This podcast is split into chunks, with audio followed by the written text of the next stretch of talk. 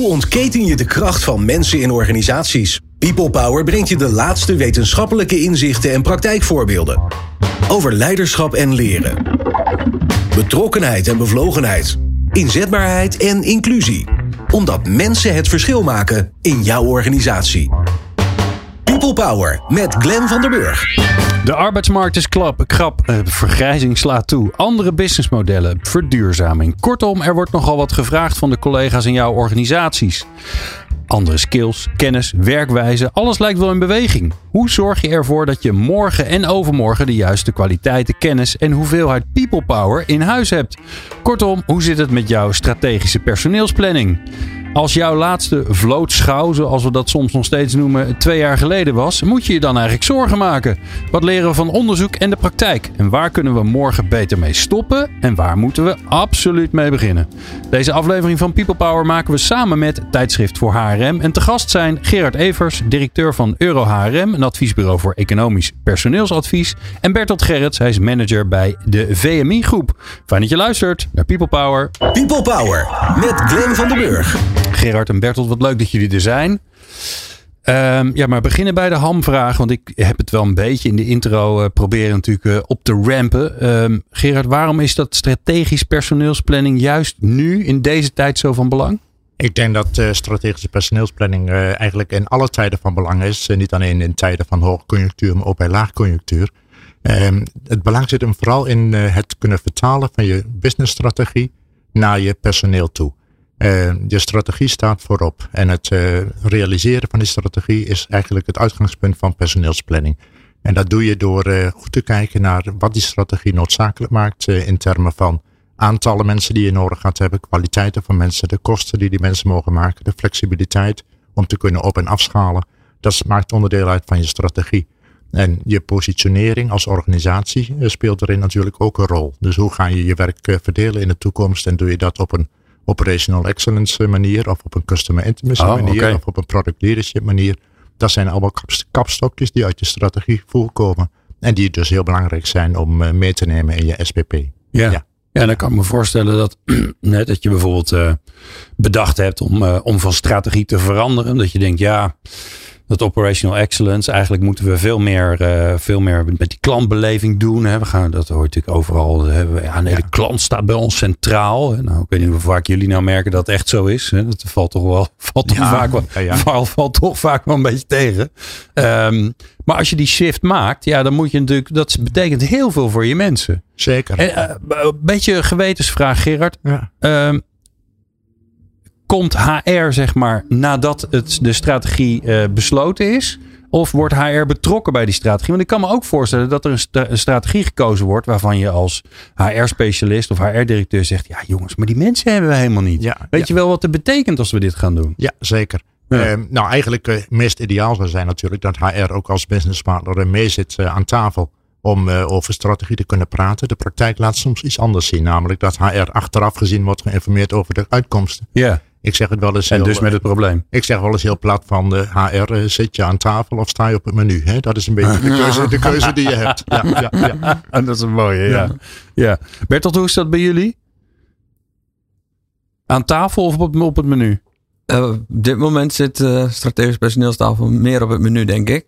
Ja? Dat zie ik ook wel eigenlijk bij mijn eigen aanleiding van strategische personeelsplanning. Ja, op een gegeven moment vanuit een magazijn kom je toch steeds meer in de hoek van automatisering. Krijg je steeds meer digitalisering. Krijg je, we werken samen met third party logistics.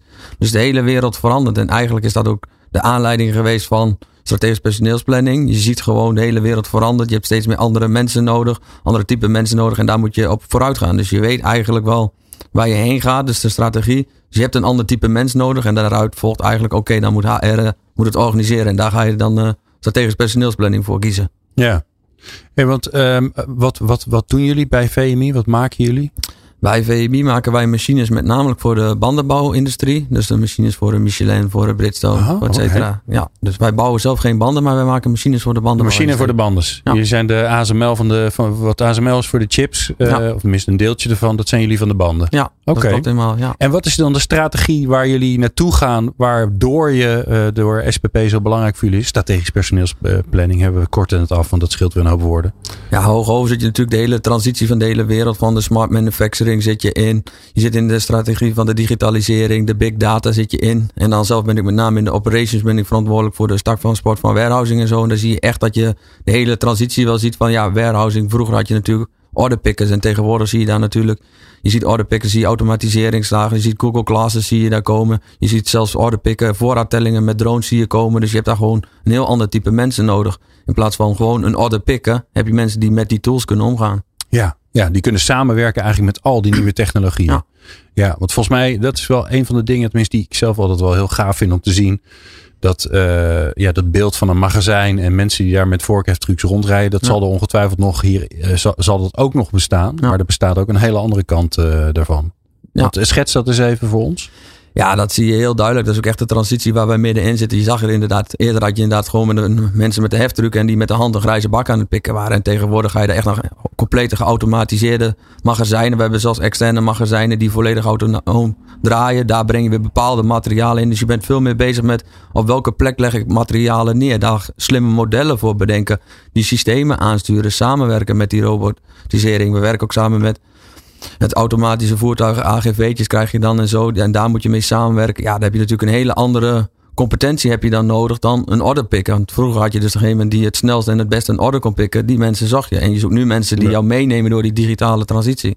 Ja, dat, betekent, dat betekent nogal wat. Nou, dat, dat gaan we allemaal meemaken vandaag. Want uh, jij, bent onze, jij bent onze lijn naar de, naar de praktijkcase om te kijken van wat betekent dat nou eigenlijk. Gerard, als jij, want jij loopt bij veel organisaties rond uh, en helpt ze ook bij die strategische personeelsplanningen. Ja. ja. Hoe, sta, hoe staat het ervoor bij de Nederlandse organisaties? Geef ze eens een uh, rapportcijfer. Um, nou, het wisselt. Het varieert sterk, ja. moet ik zeggen. Um, je ziet het wel bij nogal wat organisaties waar een start is gemaakt. Maar eigenlijk zou je dat rapportcijfer willen baseren op uh, het kunnen continueren van dat uh, traject. Oh. Uh, wat ik te vaak zie is dat SPP eenmalig wordt uitgewerkt, doorgezet. En vervolgens gaat het verstoffen en versloffen. Hm. Omdat ze daar geen follow-up aan kunnen geven. Wat gek eigenlijk. Hè? Ja, ja, het is alsof je een boekhouding begint en na een jaar denkt, nou ja, het hoeft niet ja, meer. Ja, dan komen er weer andere prioriteiten. En ik kan ook wel uh, redelijk goed uh, duiden waar dat aan, aan ligt. Want heel vaak zie je dat het te veel een feestje is geweest vanuit uh, eh, HR alleen. Aha. En HR heeft weer andere prioriteiten of de lijn heeft weer andere prioriteiten. En dan gaat het al heel snel weer van de agenda af. Het heeft soms ook te maken met, met opzet en de inrichting van SPP. waardoor zeg maar herkenbaarheid, herhaalbaarheid en draagvlak toch niet altijd optimaal zijn. En dan zie ik het uh, wel um, in eerste aanleg uh, goed gaan, maar dan in tweede aanleg, een jaar, twee jaar later, zie je dat eigenlijk weer uh, verdwenen. En dat vind, ik, eigenlijk, dat vind toch? ik wel een beetje jammer. Ja, je bent ook een beetje ja. gek. Ja. We hebben, er is natuurlijk veel discussie over de term hè, human resource management. Of dat Ja. nou eigenlijk wel een goede term is. Nou, dat- je ziet ook bij, bij heel veel, veel Amerikaanse bedrijven zie je het people and culture gaan heten. Nou, Ja. allemaal prima. Dat klinkt al veel gezelliger. Maar als je dan aan human resource management doet. Ja. Ja, en je houdt je strategisch personeelsplan niet bij. Dan weet je dus eigenlijk niet wat je voorraad is. Dan weet je niet wat de vraag in de toekomst Ja. is. Ja, wat Ja. ben je dan aan het managen? Nee, en dan zie je inderdaad eh, soms een te eenzijdige focus op alleen maar kwaliteiten. Hè, en waarbij dus eh, kwantiteiten, aantallen eigenlijk eh, niet meer relevant lijken. Omdat cijfers toch heel moeilijk te verzamelen zijn. En schattingen toch ook vaak maar heel beperkt geldig zijn. Dus de moeilijkheid, de complexiteit in de kwantiteit. Die is vaak ook wel een reden geweest om dan door te schieten naar een, een overaccentuering in termen van kwaliteit. En voor je het weet wordt SPP gereduceerd tot een, eh, het denken en discussiëren over competenties. Ja. En kwaliteiten zijn ook belangrijk, dat geef ik ook altijd eh, aan. Alleen je zult eh, een goede combinatie moeten maken van de, en de verhalen aan de ene kant en de decimalen aan de andere kant. De verhalen en de decimalen. hè? Dat is Ja. een mooie combinatie. Ja. Ja. Ehm, is het bij jullie een continu proces, Bertolt? Het is ondertussen wel een continu proces aan het worden.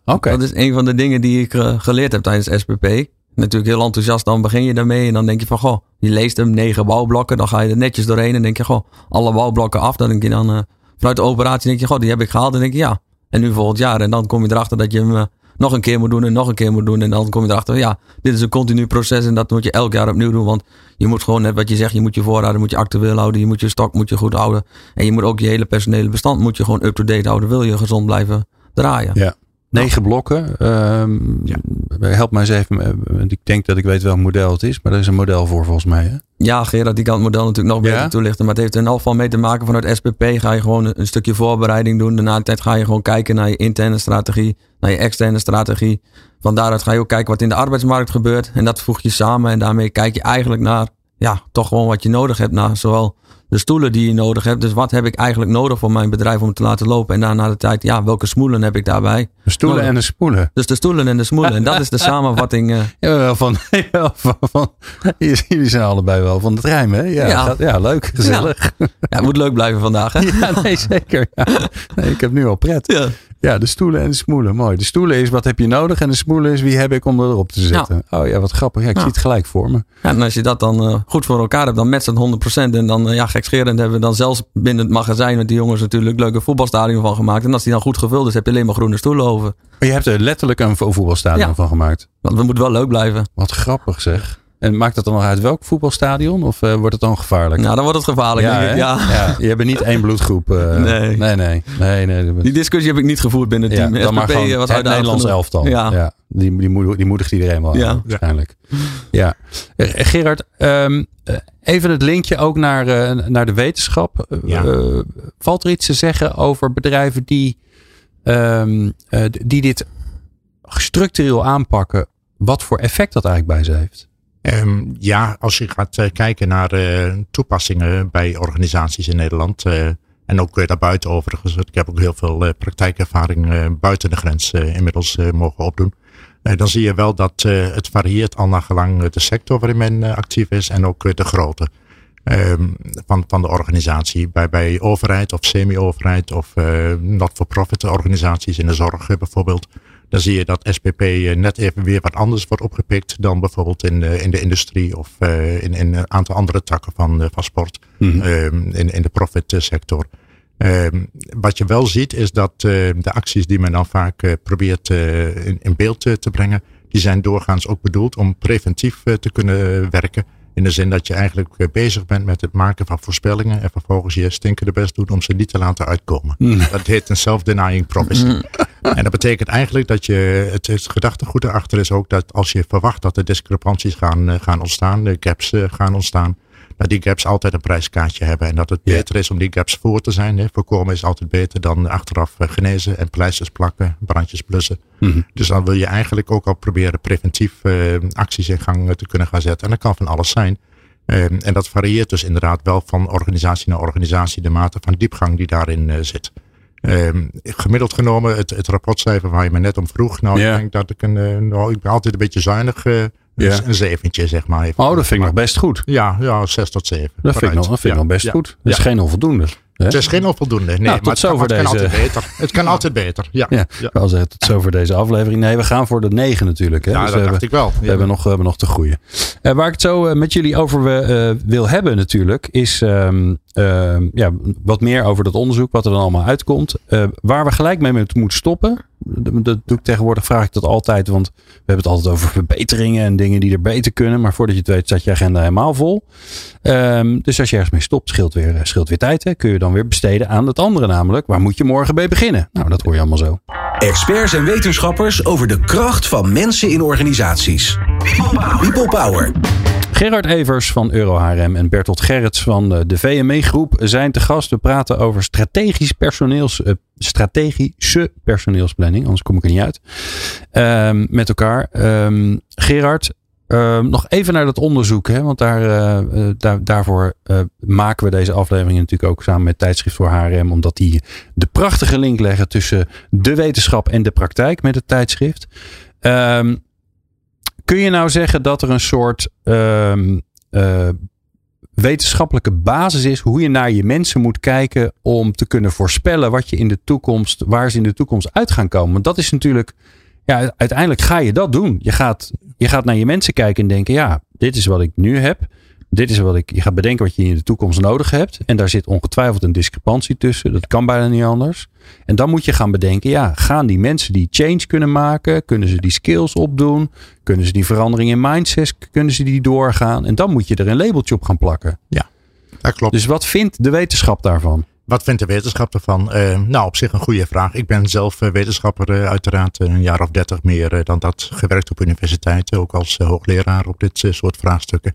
En een van de medeoprichters van het tijdschrift voor HRM overigens. Kijk alweer een hele tijd geleden. Ja, en dan dus, zit je gewoon hier. En dan zit ik hier heerlijk oh, als weet je dat het, het is toch een mooi warm bed mm. wat dat betreft. Ja. Uh, nee, als het gaat om, om gewenste kwaliteiten van, van je personeel, uh, dan is de strategie ook daar weer uh, natuurlijk het meest belangrijke kapstokje.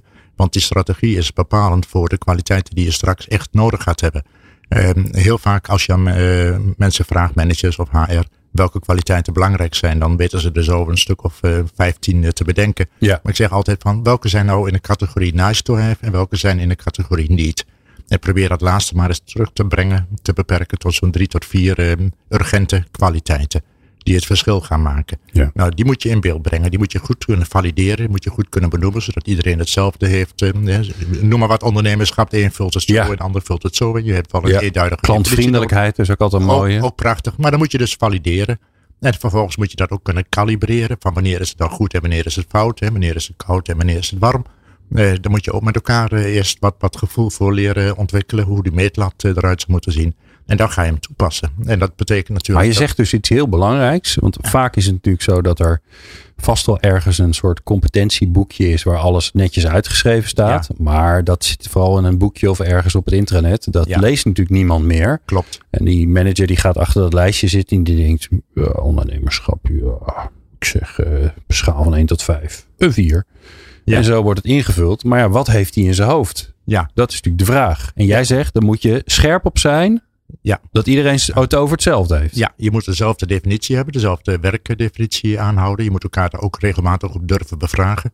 Uh, heel vaak zie je dat managers dat natuurlijk toch vrij individueel gaan invullen. Maar eigenlijk wil ik dan een soort kruisbestuiving dat er altijd mee wordt gekeken. Hmm. Uh, of door HR of door een collega lijnmanager. Zodat er toch wat meer intersubjectiviteit gaat, uh, gaat ontstaan. Yeah. En wat je dan uiteindelijk gaat, gaat krijgen is natuurlijk ook uh, afhankelijk van de type vlootschouw die je organiseert. er zijn er in feite twee. je hebt de Nine Grid, een meer een Anglo-Saxische methode. En de H3P-methode. Het verschil zit hem in het gegeven dat die Nine Grid maar drie dimensies kent. Uh, slecht, voldoende, goed. Uh, en de H3P heeft er vier. En dat betekent dat je bij die Nine Grid wel in het midden kunt gaan zitten. Dat is altijd heel ah, veilig. Ja, daar zit en, en bij die mensen. H3P uh, kun je niet in het midden gaan zitten. Dus dan moet je echt wat meer scherper En hoe heten de vier dan? Uh, die zijn dan van, van goed, voldoende, uh, oh sorry, van slecht tot uh, voldoende tot, nou, ruim voldoende tot goed bijvoorbeeld. Okay. Hè? Dus ja, ja. een vierpuntschaal. Ja. En dat maakt het alweer een stuk lastiger om dat te operationaliseren. Want mensen hebben geneigd, zijn snel geneigd, managers, om iedereen zo'n beetje in het midden te sorteren. Ja. 80% zit in het midden hè? en, en 5% ja, is Maar dan heeft het eigenlijk niet zoveel zin. Dan heeft het heel weinig zin. Dus ik zie ook de toegevoegde waarde van die Nine daar veel minder in terugkeren. En dan is het beter om uh, toch een uh, wat, wat uitvoeriger uh, systeem te gaan hanteren. Yeah. En dan wordt het interessant, want dan kun je dus constateren dat een vlootschouw aangeeft waar zo ongeveer de verdeling van je personeel zit. En de volgende vraag is dan van ben je daar tevreden mee? Dat kan natuurlijk. Hè? Dan is het eh, prima, dankjewel, eh, gefeliciteerd. Ja. Uh, het kan ook zijn dat je zegt van ik moet de mensen anders gaan maken. En kan dat? Uh, want sommige kwaliteiten zijn natuurlijk uh, niet genetisch bepaald, maar die zijn nog manipuleerbaar. Die kun je nog met opleiden of met trainen kun je daar natuurlijk een hoop in doen. Mm. Dus je moet de mensen anders kunnen, anders kunnen maken of je hebt soms toch andere mensen nodig. En dat is dan de conclusie die je aan, aan die nine grid of aan die flowschouwen in algemene zin moet koppelen. En nou is de grote vraag die bij mij in mijn hoofd zit. Hè, want uh, vlootschouw, uh, ga, het gaat natuurlijk uiteindelijk over de hele organisatie. Ja. Dus je, je bent bezig met uh, de strategie van de organisatie. En je bent bezig met de gehele workforce van de organisatie. Ja. Maar je gaat wel iedereen op individuele basis in een vakje stoppen. Ja. Dus het klinkt ook alsof iedereen gewoon een beoordeling krijgt. Het is een, het is een soort van beoordeling. Ja. Het is niet een veroordeling, maar het is een, het is een momentopname die je maakt. Maar je doet het niet omdat uh, die beoordelingen allemaal individueel in de personeelsdossiers uh, terecht gaan komen. Uh, het is ook niet een basis voor een vaststellingsovereenkomst of wat dan ook. Zover, ga, zover wil ik het niet laten gaan. Nee. Maar je hebt wel de individuele scores nodig om tot een soort collectieve inschatting te kunnen komen. Ja, maar dat is de grap natuurlijk. Hè? Je, doet een, je, doet een je doet een individuele score om tot een collectief te komen. Ja. En de vraag is natuurlijk, ik kan me voorstellen dat dat een veelgemaakte conclusie is. Sterker nog, ik weet van een organisatie die gebruikt dat NineGrid. Ja. En die hebben per vakje hebben ze een soort ontwikkelstrategie bedacht. Dus als jij in een vakje zit, dan krijg je een soort menu voorgeschoteld. Van nou, dan hebben we dit voor je bedacht. Dat is leuk voor jullie. Ja. En dan denk ik, oei, misschien is dat dan wel weer een beetje te specifiek. Nou, als het goed is, eh, komen er acties eh, uit voort. Die eigenlijk ook al in de reguliere beoordelingstrajecten ook al. Eh, als Ja. het, eh, het zou heel raar zijn als een vlootschouw tot hele andere conclusies aanleiding zou geven dan, de, dan gemiddelde jaargesprekken dat Ja. zouden doen. Dan zou er iets niet goed zijn. De- dan, dan hebben de managers niet de goede accenten gelegd. Ja. Ja. ja.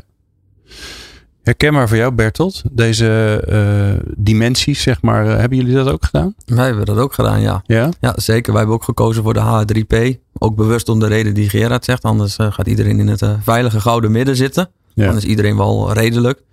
Dus dat hebben wij ook gedaan. Om dat ook toch wel zo objectief mogelijk te doen, hebben we dat met alle lijnmanagers samen gedaan. Dus niet Jan die mag Piet beoordelen en Piet die mag Klaas beoordelen. Gewoon met z'n allen gaan wij gezamenlijk. En als, wij dan met, iedereen heen gegaan. ja, en als wij dan met z'n drieën zeggen dat is een vier of dat is een zes. Op die manier ga je dan samen beoordeling. En dan krijg je ook heel veel discussie. Is dat dan een vier of een zes? Maar uiteindelijk ga je collectief ga je de beoordeling bepalen op basis van de H3P-score. En op basis daarvan krijg je inzichten in je vlootschouw. Oké, oké. En daarmee voorkom je ook dat je, nou ja, het kan alsnog natuurlijk zijn dat je alle drie dezelfde, hetzelfde vo- vooroordeel of dezelfde ehm, blik hebt naar iemand. Maar je voorkomt in ieder geval dat, eh dat er tussen zit dat iemand denkt, ja, Ja. een beetje een eikel. Ja, je voorkomt inderdaad dat zegt eh, Jan, ik mag hem niet, dus ik geef hem een slechte score. Dus dat er in elk geval uit. Ja. Je hebt het risico inderdaad dat iedereen misschien zegt van nou, ik heb een vooroordeel. Maar op dat moment moet je misschien ook wel vragen of er wel een klik is tussen de persoon in kwestie en de bedrijfscultuur. Ja. En dan heb je misschien wel een andere reden om een gesprek te hebben. Dat je zegt van nou ja, we passen niet zo goed bij elkaar. Dus dan is dat ook een eh, reden. Als geen van je lijnmanagers ermee werken kan, dan is dat toch ook eh, een zorgwekkende situatie. Ja. Ja, en de vraag is dan, hè, wat doe je er dan mee? Hè? Dus wat is dan, dan heb je een overzicht van, van wie je hebt. En je weet ook waar je naartoe wil. Hè? Dat is een beetje de, nou ja, de, de- de- simpel gezegd wat je, wat je moet doen, los van eh, de arbeidsmarkt en alles wat er omheen zit. Ja. Hoe bepaal je dan eh, ja, wie welke ontwikkeling of met welke club, welke groep mensen welke je ontwikkeling je moet door gaan maken? Ja, wat wij dus gedaan hebben in tegenstelling tot wat Gerard zegt, eigenlijk wel leuk hebben wij gezegd. Wij hebben uiteindelijk hebben dus eerst iedereen die score gegeven. En uiteindelijk met mijn ploegbaas natuurlijk, dat was het leuke stuk. We vonden allemaal wel, ze wisten allemaal wel eh, wie wel en niet goed was. Het beste jongetje van de klas aanwijzen, dat is ook niet zo moeilijk. Maar na afloop heb ik ook met mijn lijnmanagers allemaal gesproken. Ik zeg, oké, nu hebben we die scores. En die gaan we nu ook in de dialoog teruggeven aan de mensen. Aan iedereen. Dus hebben we die mensen één op één gewoon weer teruggegeven. Niet in de zin van functioneringsgesprek. Wij hebben deze vijf parameters hadden wij gepakt. Twee voor potentie en drie voor functioneren.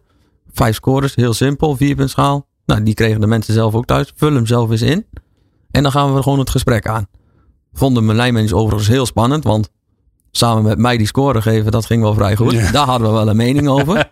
Om dat vervolgens Ja. terug te vertellen aan de mensen, dat, eh, daar hadden we nog wel wat koud watervrees. Ja. Maar er was uiteindelijk wel een superleuke dimensie. En daar heb je echt hele mooie gesprekken gekregen. Waarbij je echt gewoon, ja, de persoonlijke ontwikkelingsplannen komen daaruit voort. Oh, maar ik wil wel meer die kant op en die kant op. En uiteindelijk zie je daar ook wel echt een trend in dat je echt naar een beduidend hoger niveau gaat.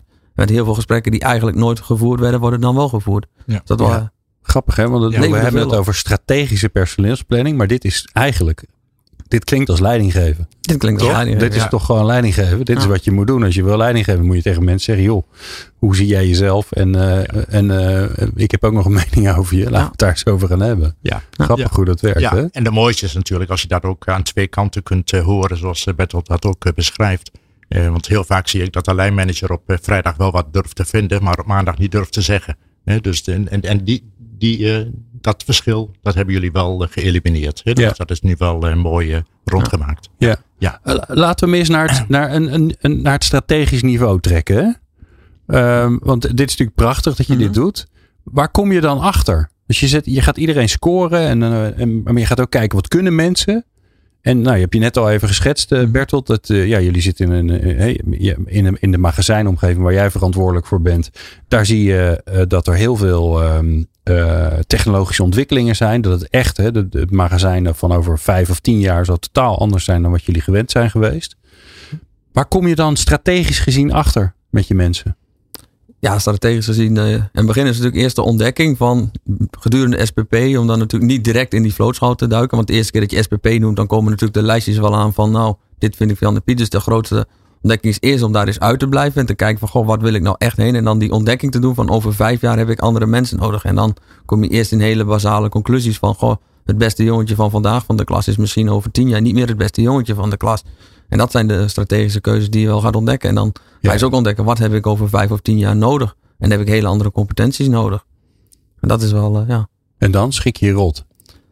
Nou ja, dan, eh, dan, weet je dat je een uitdaging hebt. Dan, dan, praten we over uitdagingen. Ja, ja, ja, maar je ligt er niet s'nachts wakker van. Ik lig er niet s'nachts wakker van. Dus, en gelukkig ben je er tijdig genoeg aan begonnen. Dus dan heb je nu ook tijd.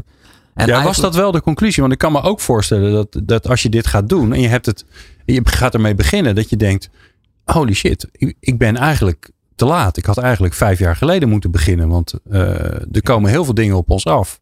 Waar we eigenlijk het komende jaar mee aan de slag moeten. Maar daar hebben we de mensen helemaal niet voor. Nee, dat valt wel mee. Ik ben eigenlijk, oh, maar dat, komt ook voor vanuit 2018, eh, 2019 zijn we begonnen met een strategie, met een dream waar we heen willen, met die stip op de horizon. En dat is dus eigenlijk, kom je daar ook wel achter, je zet de stip heen en dan wil je dan heen. En dan op een gegeven moment denk je, ja, als ik daarheen wil, heb ik ook bepaalde mensen, bepaalde competenties. Ja. En ik heb ook wel heel vaak gezegd, eigenlijk zie je, SPP is eigenlijk nog wel weer de concretisering van je strategie. Want je kunt wel ergens heen willen, maar als ik rechtsaf wil, als mijn mensen allemaal niet rechtsaf kunnen omdat ze de competentie niet hebben, dan ga ik niet rechtsaf komen. Dus daar zie je eigenlijk wel dat SPP de concretisering van je strategie is. En van daaruit valt het ook heel mooi samen. En dus echt de strategie, die moet je bepalen. Welke richting wil ik heen? Welke competenties heb ik nodig? En van daaruit uh, ga je verder. En dan ontdek je inderdaad dat je een gat hebt. Maar dat is ook logisch, want je slaat een andere richting in. Je slaat een nieuwe richting in. Dat zijn bewuste keuzes die je zelf maakt. En je weet ook dat dat tijd nodig heeft om daar te komen.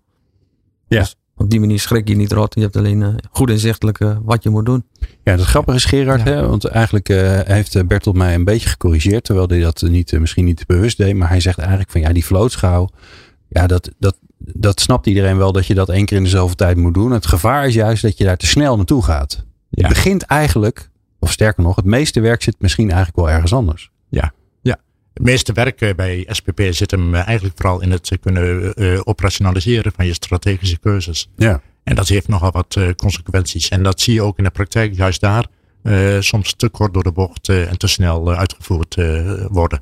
En soms is het zelfs zo bij organisaties als ik daar ben en ik vraag met hun en praat met hun over de strategie dat er dan ergens een soort uh, mist ontstaat. Zo van strategie. Ja, dat hebben we wel bedacht. Dat ligt ergens in de la. Ja, ja. Dat, oh, dat was twee jaar geleden. Toen waren we daar. dat was ja, onwijs leuk. Daarna zijn we gaan bolen. Ja, ja, precies. Hadden we die heidag uh, gehad. Ja, dus we hebben nog wel iets van een SWOT-analyse liggen. Nou, Kijk, als dat, als dat je houvast is, dan kun je met SPP beter even wachten en eerst maar eens even gaan werken aan een goede strategie. Oké, ja, ja, oké. Dus zonder goede, duidelijke, heldere strategie heeft het niet zoveel zin om aan de strategische nee, personeelsplanning. Nee, nee absoluut niet. Nee, nee, want uh, als je niet weet. Want wat is je richting dan?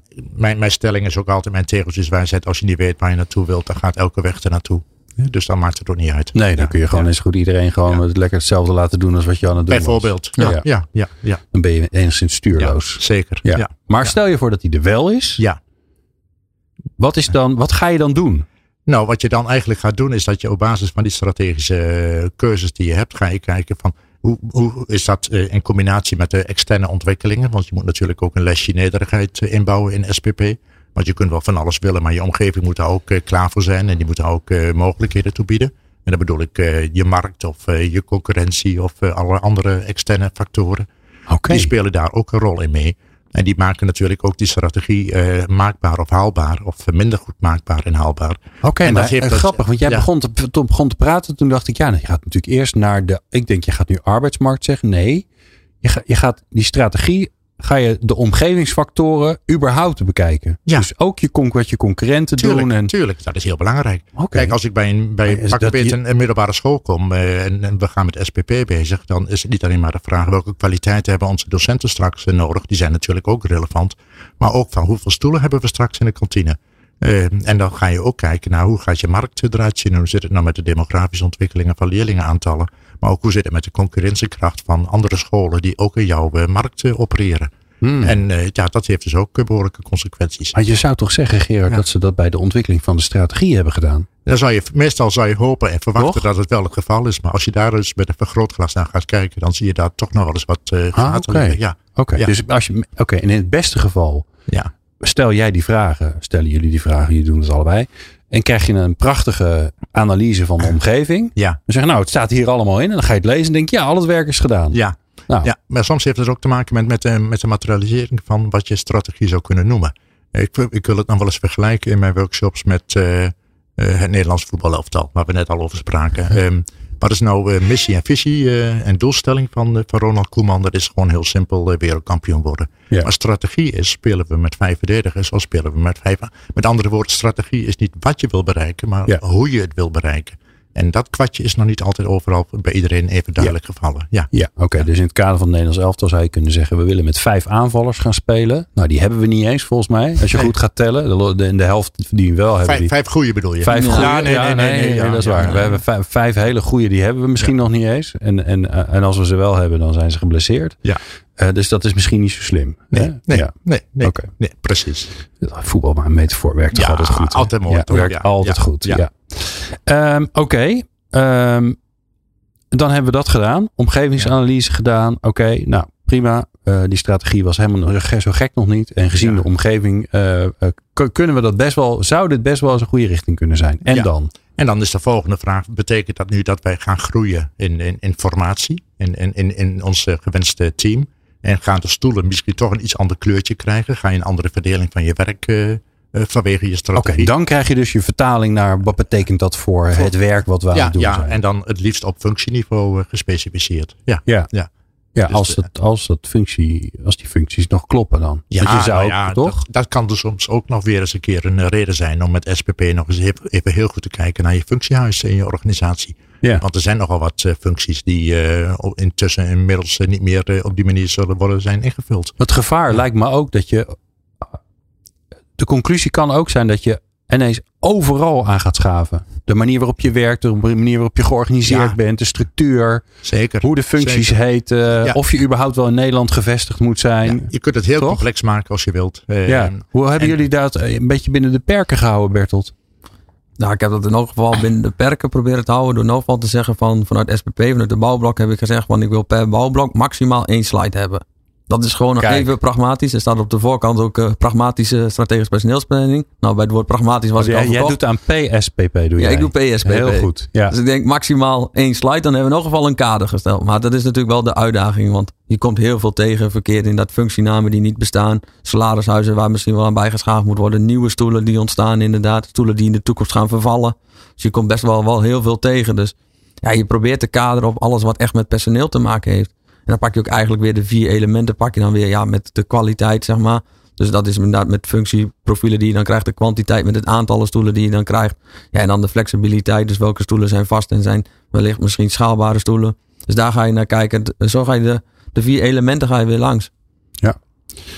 Mooi. Um, waar ik, uh, ik zit even bij mijn knoppen te kijken waar ik eigenlijk op moet gaan drukken, maar ik ben erachter. Um, waar ik het in het laatste blokje, want daar zijn we zo alweer bij aanbeland. Zo hard gaat het. Uh, het met jullie over wil hebben. Uh, want we gaan natuurlijk niet het hele onderwerp in één uitzending doen. Dat kan natuurlijk helemaal niet. Gerard die besteedt, die zijn hele leven er al aan.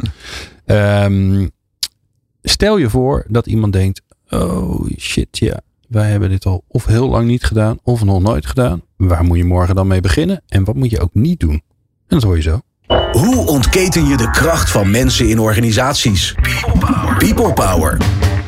Met in de studio uh, Gerard Evers, die aan het uh, worstelen is met zijn hm. koptelefoon. Ja, die, die, laat hem maar Gerard, doe maar lekker zonder. Dat is ook prima. Hm.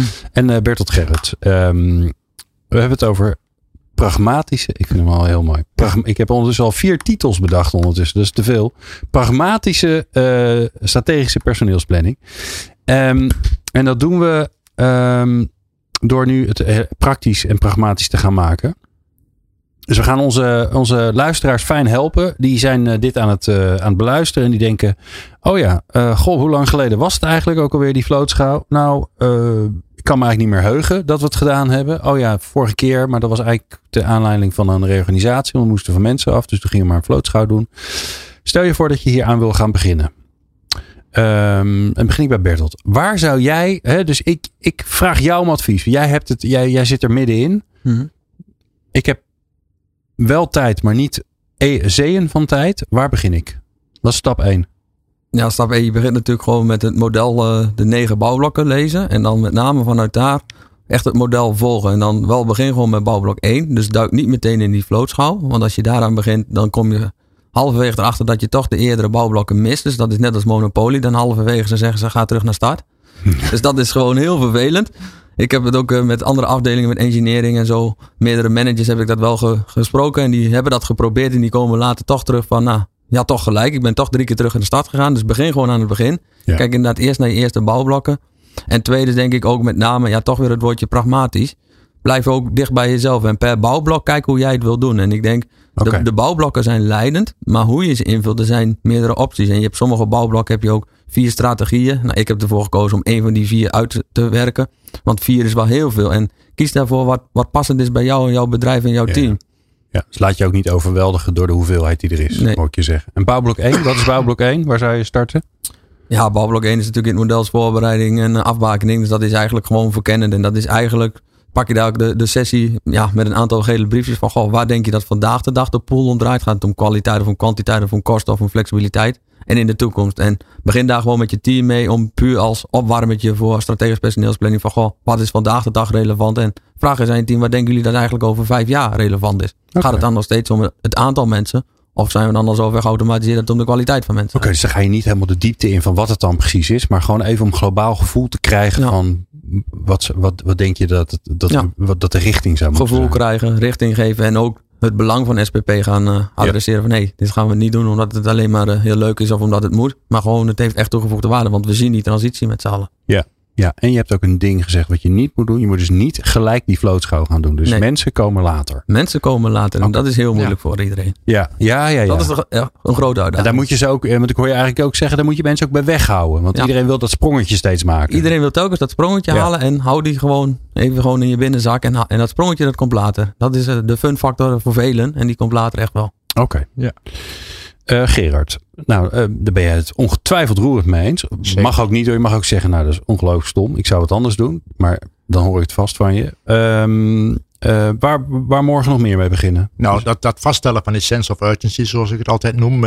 zoals Bert dat heeft uitgelegd. dat is voor mij altijd... Okay, waarom doe je het überhaupt? Dus, ja, precies. Het is meer de Simon Sinek vraag van why. Ja. En wat gaat er nou mis als we niks doen? Nee, dat vind ik een hele. Als je daar geen goed antwoord op kunt geven, oh. dan kun je beter wat anders gaan doen uh, dan SPP. Ja. En het tweede, eh, wat ik ook heel belangrijk vind, is dat SPP natuurlijk een, een, een breed uh, aantal activiteiten kent. En uh, dat wil zeggen dat SPP meer is dan alleen maar vlootschouwen. Ik vind het altijd jammer als het wordt gereduceerd tot vlootschouwen. Ja. Sterker nog, ik ben nu bezig met een SPP-traject waar helemaal geen vlootschouw aan te pas gaat komen. Oké. En dat hoeft ook niet erg te zijn. Eh, omdat de organisatie zegt van wij verwachten op dat punt geen, eh, geen problemen. Wie ben ik om hun een probleem aan te praten als dat probleem niet als zodanig wordt ervaren. Uh, dus dat, dan heb je eigenlijk een, een, een, meer kwantitatieve invulling van SPP. En dat kan natuurlijk ook prima zijn. Oké. Okay. Uh, want het, het, is maatwerk en elke organisatie heeft daar toch weer zijn eigen uh, dynamiek in. Dus, ja, ja, dus die, dan gaat het veel meer over hoeveel mensen hebben we in de toekomst nodig. Ja. En de mensen die we hebben, die zijn goed. Nou ja, het zijn de juiste mensen, die kunnen de juiste dingen. We hebben er al misschien in de toekomst meer nodig, of minder. dat kan natuurlijk ook. Dan is het veel, veel meer een uh, pragmatische, kwantitatieve vraag die, je, die je stelt. Ja. Oké. Ja. En soms gaat het ook wel eens over uh, het verkennen van de toekomsten die denkbaar zijn. En dan wordt het alweer wat gecompliceerder. Uh, en dan ga je denken in termen van scenario-analyses. Ja, ja, en onzekerheden. Ja. En, maar dat maakt het alweer een stuk spannender en ook een stuk complexer. Nou, een van de dingen waar mensen natuurlijk nu heel erg druk met jullie ook ongetwijfeld ook eh, Bertolt mee bezig zijn, is natuurlijk die arbeidsmarkt die, die krap is. Ja. Um, um, wat, wat kun je mensen daar nog over meegeven? Want ik, ik zie toch uh, nog veel organisaties een beetje in de kramp van oh, nog volhouden, nog volhouden. Er komt vast verlichting. Hè? Maar dat is natuurlijk anders dan dat je uh, als je strategisch gaat kijken denkt er komt geen verlichting dan ga je andere dingen doen dan dat je denkt, ja nee, er komt straks wel weer ruimte. Het gaat straks wel hopelijk wat minder met de economie. Ja, dat is toch een beetje raar dat we dat denken. Ja. Maar dan komen, dan komen er weer mensen vrij. Ja, ja. En, en eigenlijk zit dat ook uh, in mijn uh, beleving uh, in het eind van een SPP-traject als het gaat om oplossingsrichtingen. Want heel vaak wordt zeker ook vanuit HR gedacht dat alle heil en zegen moet komen van de arbeidsmarkt. Als er straks mensen weggaan vanwege pensionering of wat dan ook, dan moet de arbeidsmarkt daar weer een nieuw aanbod gaan eh, proberen te creëren. Dat we kijken naar de vijvers en naar de hengels die we hebben om die binnen te halen.